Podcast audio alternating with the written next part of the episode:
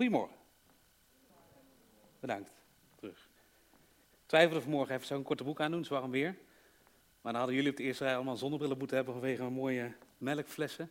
Dus sta lekker in een lange broek, maar het is lekker weer. En we leven in de slimste regio van de wereld. Dus gefeliciteerd, knappe koppen. Die zitten allemaal bij elkaar. De intelligentie straalt er vanaf als ik de zaal rondkijk. Ik zie enkel intelligente blikken. Wakkere blikken, lekker uitgeslapen. Koffietje achter de kiezen. Nee, we leven in de Brainport Eindhoven. Hè. Het jaar of tien geleden uitgeroepen tot de slimste regio ter wereld. Uh, de high-tech campus, uh, ASML, nou, noem het maar. Alles gaat lekker hier. Knappe koppen. En toen kreeg ik de opdracht, goh Matthijs, de preek van vandaag gaat over wijsheid, succes. Dat, nou, prima. Ik weet niet of ik de meest aangewezen persoon ben om iets over wijsheid te zeggen. Um, en toen ben ik erin gaan duiken en ik denk wel dat ik dat kan. Ja, ik heb wel wat dingetjes ontdekt en die wil ik met je delen vanmorgen. Um, ja, het is wel in een Brainport-regio zaal, als het ware. Um, dus pak me niet te hard aan de afloop. Um, ik ga mijn best in ieder geval doen wat ik over wijsheid ontdekt heb. En of je het daarmee eens bent of niet, dat laat je straks dan maar weten. Maar laat me een beetje heel. Nou, ik heb voor de, vind ik altijd fijn, hè? ik werk in het onderwijs, dat weten de meesten. Er zit ook een student van mij vandaag in de zaal. Bijna niet meer student, want die gaat diplomeren als het goed is. Uh, dus heb ik een inhoudsopgavetje gemaakt met wat we gaan doen. Dat is handig, hè? Dan weet je ook precies waar ik ben en ook hoe lang je je spanningsboog nog een beetje moet uh, optrekken of dat je in slaap denkt te vallen en dan weet je, oké, hier zijn we ongeveer. Ik ga zoiets vertellen over de context van het verhaal. We gaan het over Salomo hebben. Misschien heb je dat gezien op de uitnodiging. Uh, dan hebben we het Bijbelverhaal in tweeën gedeeld en daarna gaan we echt inzoomen op wijsheid. Wat is nou wijsheid? Waarom is het belangrijk om meer wijsheid te vergaren?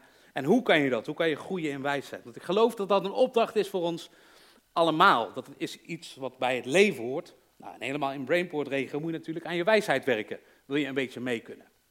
Um, voor bovenin, is het mogelijk dat ik de PowerPoint ook hier voor mijn neus krijg? Of niet? Zo niet, dan niet. Dan moet je af en toe naar elkaar plekken kijken. Goed, de context. Salomo. Um, misschien ken je de naam wel, onze redelijk bekende naam. Hè? Hij had het er ook net over, Chris. Um, vier weken geleden, of al acht weken geleden, is inmiddels eind uh, mei, heb ik al, eind april, sorry, heb ik ook gesproken over Hanna. Ja, hij doet het, dankjewel. Uh, over Hanna. Hanna die de kracht van bidden ontdekte. Misschien was je erbij, misschien weet je daar nog iets van. Um, toen hadden we het over Samuel, die geboren werd ondanks de onvruchtbaarheid van Hanna. Um, nou, eigenlijk gaan we een beetje door in die tijd, dus we zitten een beetje in het verlengde van dat tijdsbeeld.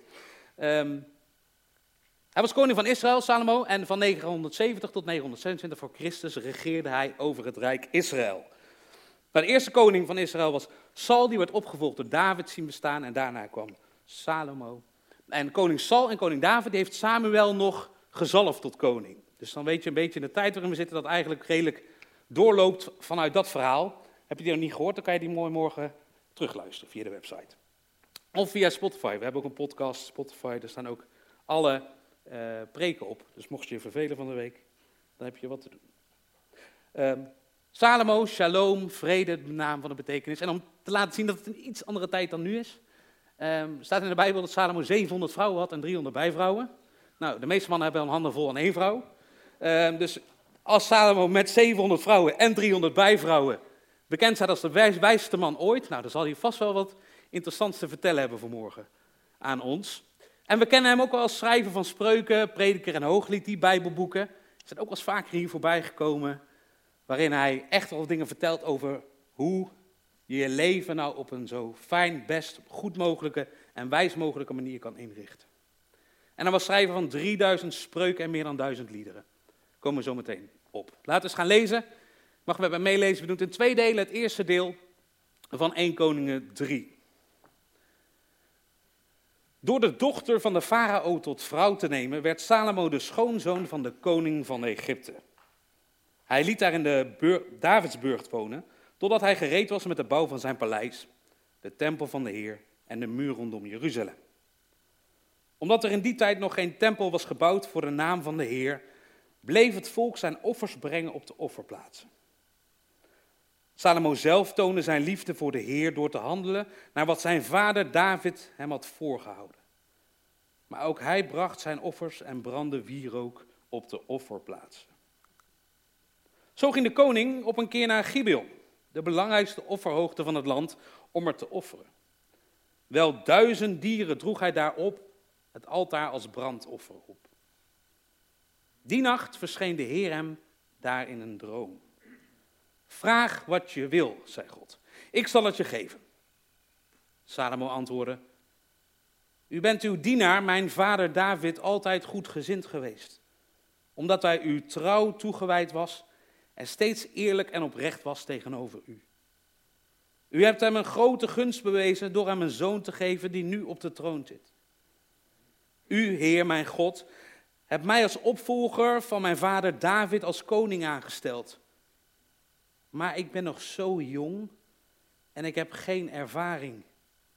Ik sta nu voor de taak uw uitverkoren volk te leiden. Een volk zo talrijk dat het niet te tellen is. Schenk uw dienaar een opmerkzame geest, zodat ik uw volk kan besturen en onderscheid kan maken tussen goed en kwaad. Want hoe zou ik anders recht kunnen spreken over dit immense volk van u? Het leuk.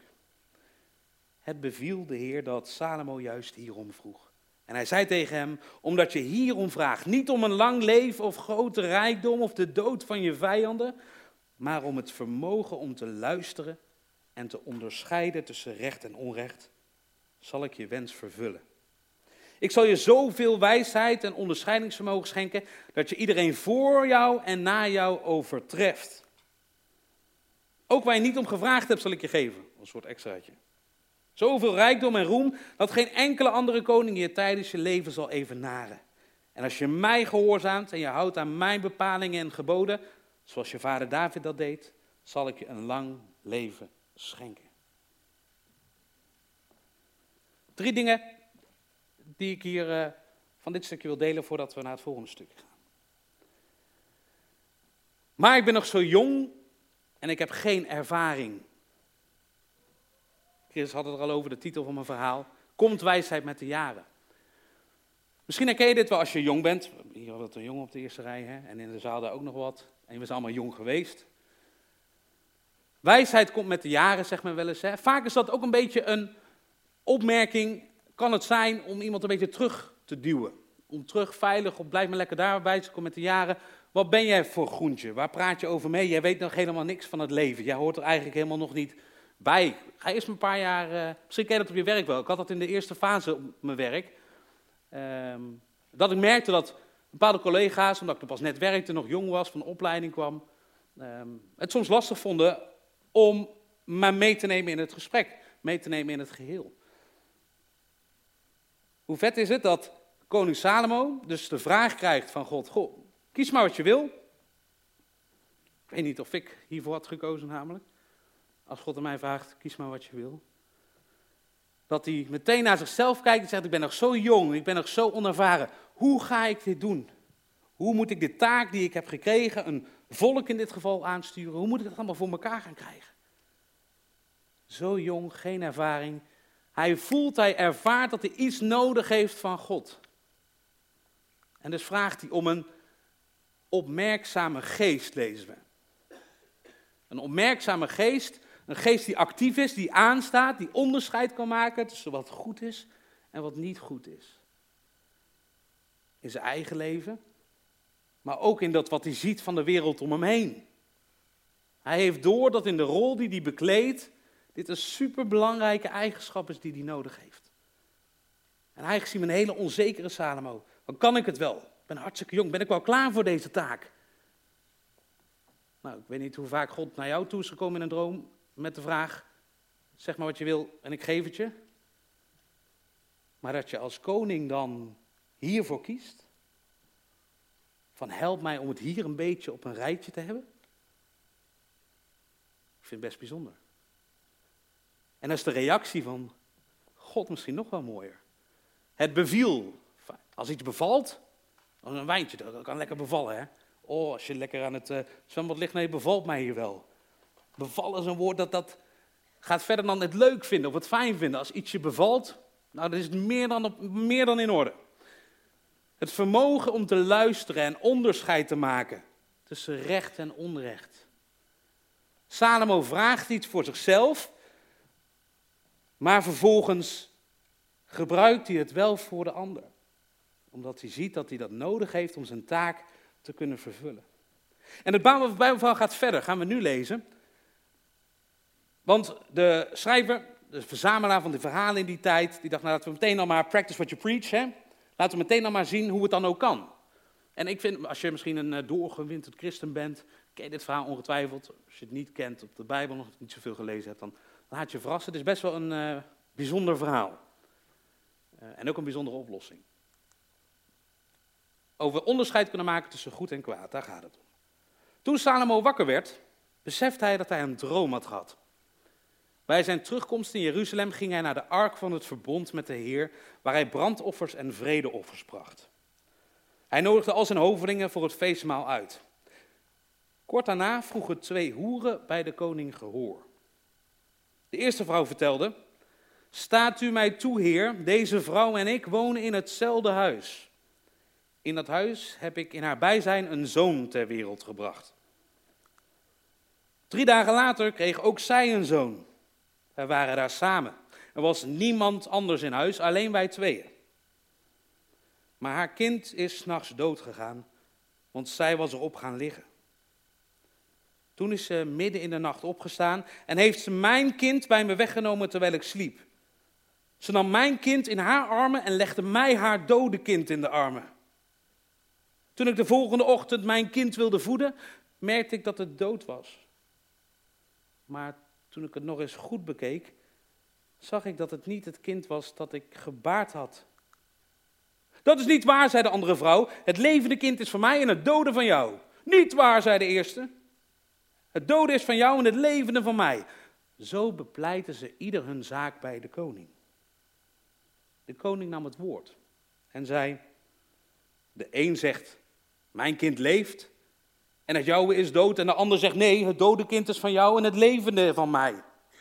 En hij beval: Breng mij een zwaard.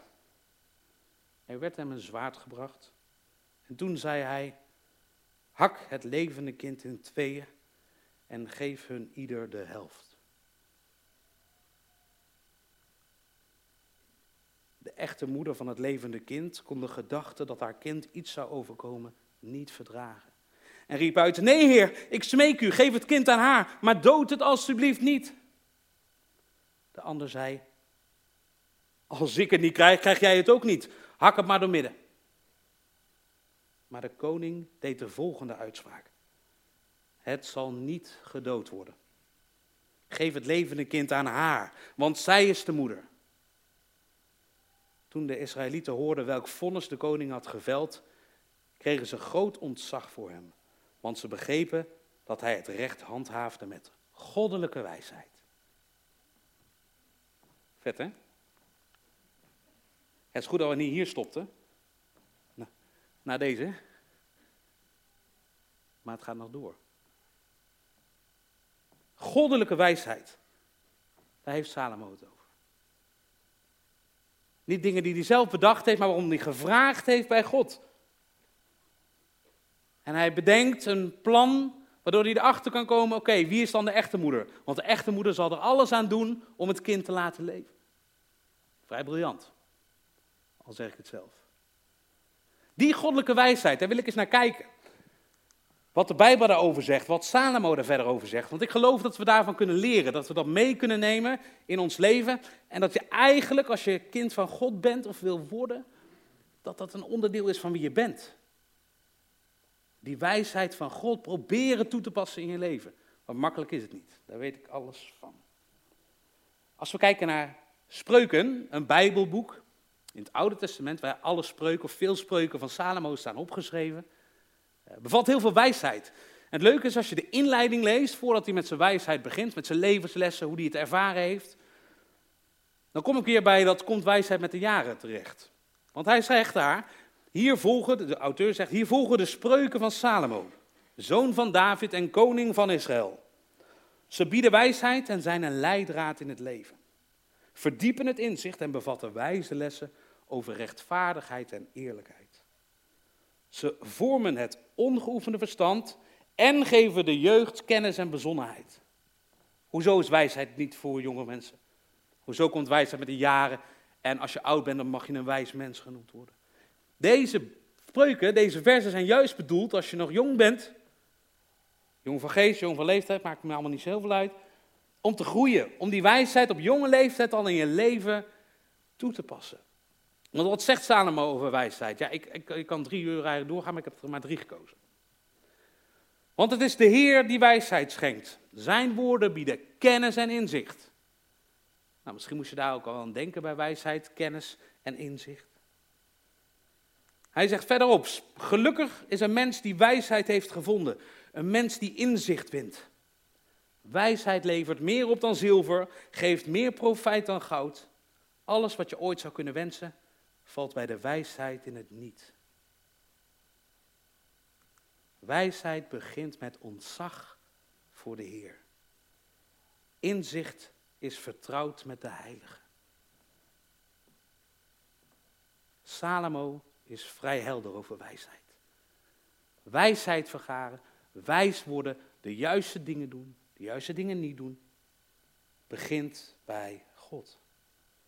Nou, wat is dan die wijsheid? Wat is, het woord wijsheid is al op zich natuurlijk uh, een definitie waard. Nou, wat is wijsheid in ieder geval niet? Dat is ook fijn als je dingen kan uitsluiten. Dan komen we vanzelf bij wat het wel is. Nou, wijsheid is in ieder geval niet kennis, alleen die kennis. Het is leuk als je hier met een uh, hoog IQ zit. Zeg niks over wijsheid, volgens de Bijbel. Wijsheid is ook niet intelligentie. Dus je IQ, eigenlijk het pakket dat je hebt gekregen en hoe snel dat informatie kan verwerken, zegt niks over wijsheid. Wijsheid is ook niet diploma's. We leven een beetje in de tijd van diploma's stapelen. Hoe meer diploma's je haalt, hoe meer je ertoe doet. Helemaal ook wel een beetje in Brainport-regio. Um, ik werk op het mbo, studenten gaan afstuderen. En zo'n 70 tot 80 procent gaat door naar het hbo. En dan heb ik als gesprekken met studenten. En dan hoor ik nog steeds de verhalen, ja, maar mijn ouders vinden wel dat ik door moet naar het hbo. Want je stopt toch niet op het mbo. Of mijn zus doet ook hbo of doet uh, universiteit. Ja, dan moet ik het nu ook maar gaan doen. Wijsheid, kennis, dat zegt niks over diploma's. Dat zegt niks over bonus, over promoties, over, nou ga maar door. Dit logo kennen we wel. Dit is logo van? Hm? LinkedIn, ja, LinkedIn. Nou, als er, ik ga even mijn frustratie over LinkedIn uiten. dus vergeef me alvast als ik niet zulke wijze dingen zeg.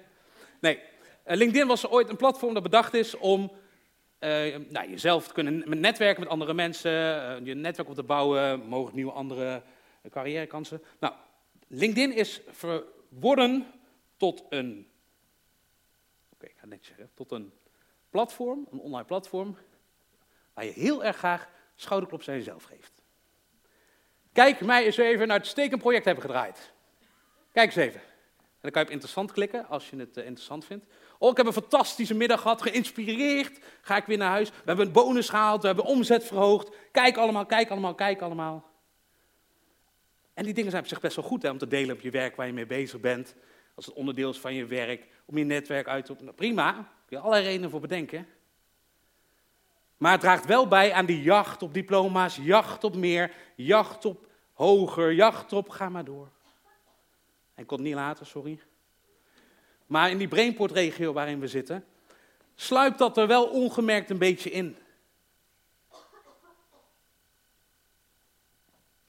Ik ben benieuwd als jij jezelf de vraag stelt, hoe verhoud ik me daartoe? Wat versta ik onder wijsheid? Hoe probeer ik met de dingen die ik wel doe en de dingen die ik niet doe, het juiste te doen? Kijken we naar die wijsheid, dan is de definitie het vermogen om de dingen met kennis en inzicht te doen. En dat woordje inzicht is natuurlijk zo interessant.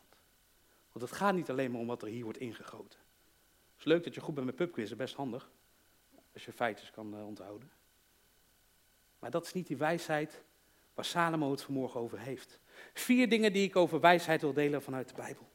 En dan komen ze weer samen met het verhaal van Salomo. Wat is wijsheid dan? Als je een wijs man bent, een wijs vrouw bent, dan kan je dus onderscheid maken, zoals we lezen bij het verhaal van Salomo, tussen goed en kwaad. Bij jezelf, maar ook vooral bij de ander. Als je een oordeel moet vellen in het werk dat je hebt, of als je iets moet vinden van iets, dan heb je het vermogen om daar tussen te kunnen schakelen. Het gaat dus om inzicht in plaats van kennis. Het gaat niet alleen om die feitjes die je erin gooit. In Spreuken 18 staat, een verstandig mens verwerft kennis, maar een stapje hoger, een wijze, een wijs mens is gespitst op inzicht. Wat doe je dan met die kennis? Wat doe ik dan in mijn leven?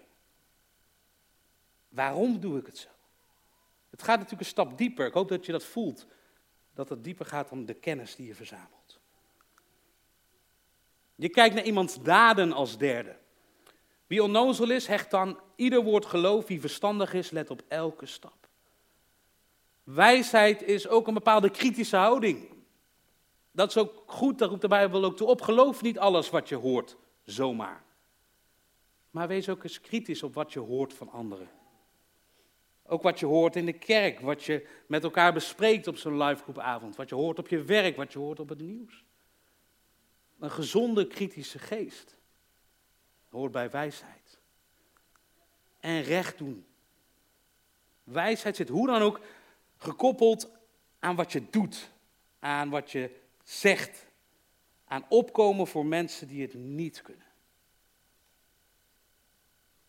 En waarom dan? Waarom dan meer wijsheid? Nou, ik denk dat iedereen wel graag bekend zou willen staan als een wijs mens.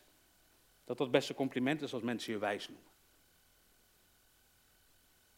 Blijdschap. De Bijbel zegt, Salomo zegt, wijsheid gaat in combinatie met blijdschap. Er staat hier in, Prediker, dat is het andere boek wat Salomo heeft geschreven. Aan een mens die hem behaagt, geeft hij wijsheid, kennis en vreugde. En dan hebben we het over God. Aan een mens die God behaagt, geeft hij wijsheid, kennis en vreugde. En Salomo schreef ook liederen, is ook een dichter. En ik wil deze nog met je delen. En dan gaan we toe naar de praktijk. Hoe kunnen we dat dan toepassen?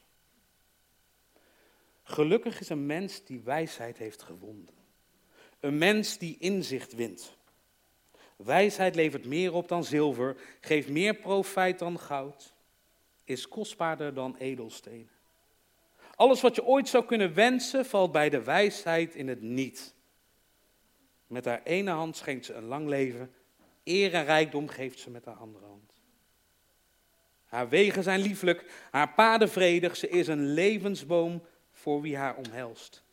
Wie haar omarmt mag zich gelukkig prijzen. De Heer heeft de aarde met wijsheid gegrondvest, de hemel met inzicht gevestigd. Wijsheid neemt een prominente rol in in het verhaal van vanmorgen, het verhaal van Salomo, in spreuken, in prediker, eigenlijk door de hele Bijbel heen. Lees Job maar eens, het Bijbelboek Job, vol van wijsheid, wijsheidsvragen. Hoe word ik wijzer? Hoe maak ik de juiste keuzes? En in mijn zoektocht kwam ik de piramide van wijsheid tegen. Ik weet niet of je het kent. Dat is ook een boek. En die piramide van wijsheid, door Brad McCracken, een pastoor en een schrijver, ontwikkeld. Uh, is in de vorm van een piramide waarbij uh, de onderste laag het belangrijkste is en die laag daarboven bouwt daarop voort. Dus een opeenstapeling. Beginnen bij het belangrijkste. En dan wordt het steeds wat minder belangrijk. En die piramide van wijsheid probeert inzicht te geven in alle informatie die de hele dag om je heen verzamelt, die de hele dag om je heen hoort, via je werk, via de tv, via je telefoon, ga maar door, volle bak informatie de hele dag. Hoe ga je nou in die wereld van informatie, wat is nou de manier om in wijsheid te groeien, wijsheid en kennis te groeien en inzicht te groeien? Nou, kijk eens of je, of je hier wat mee kan. De piramide van wijsheid is een hulpmiddel dat ons wil wijzen op betrouwbare bronnen in een feitenvrije wereld. De eerste laag van de piramide is de Bijbel. Als God de bron en norm van wijsheid is, dan is Zijn directe openbaring aan ons uiteraard het fundament van deze piramide. De laag die erop volgt is de gemeente. Die staat voor Gods volk door alle tijden heen, dat zichtbaar wordt in de plaatselijke gemeente. Een onschatbare bron van wijsheid. Dan volgt de natuur. Gods schepping openbaart ons de schepper. Dus als we nu eens wat meer tijd buiten zouden doorbrengen in plaats van achter onze apparaten, dan ligt er heel wat wijsheid voor het oprapen. Boeken vormen de volgende laag.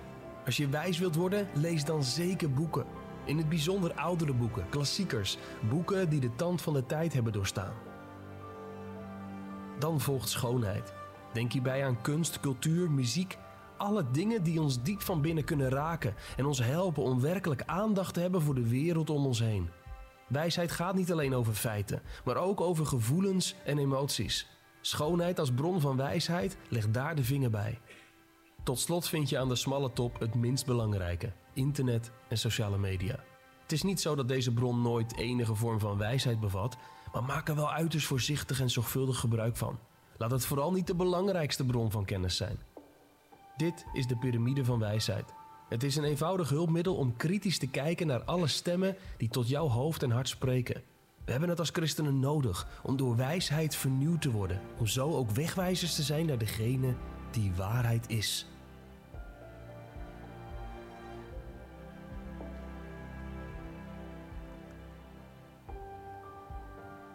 Ik uh, ga boeken aanschaffen uh, voor wat leesvoer in de vakanties. Mocht je interesse hebben, dan uh, laat het me weten, komt hij daarna naar jou toe.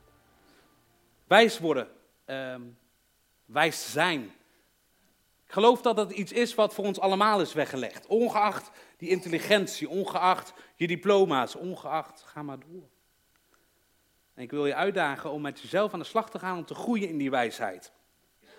Of je nou net in je puberteit zit, of dat je al lang gearriveerd bent. Het is een uitdaging voor ons allemaal om te groeien in wijsheid. En hoe? Hoe dan? Hoe groeien in wijsheid? Wel, hoe kunnen we dat met elkaar als stadskerk doen? Want hoe vet zou het zijn als mensen die hier op bezoek komen, weggaan en zeggen: Wow, dit zijn wijze mensen. Die hebben het begrepen. Die weten wie God is en waar ze voor staan en wie ze zelf zijn. Het zou voor mij een heel mooi droom zijn om zo bekend te staan. De Bijbel zegt: vraag om. Vraag om wijsheid. En God wil je daarbij helpen. Niet zo direct, misschien als we zien bij Salomo in het verhaal. Van eh, God benadert hem en geeft een vraag, stelt een vraag en het antwoord is um, een opmerkzame geest en het gebeurt. Maar vraag erom. En we hebben gezien dat je nooit te jong bent om te leren. Leeftijd heeft niks met wijsheid te maken. Dus vooral voor jullie hier vooraan, lekker wijs worden. Lees de Bijbel, net wat we zagen in het filmpje, de Bijbel als bron van wijsheid. Dat is waarin staat wie God is, wat God gedaan heeft. En leer van en met anderen. We zijn hier samen als Stadskerk 040. We doen het samen. We hebben niet een individueel geloofje dat we lekker zelf ons geloofleven inrichten. We willen het samen met elkaar doen. We komen door de weeks bij elkaar om samen God te leren kennen, om samen elkaar te leren kennen, om wijzer te worden in de dingen die we doen.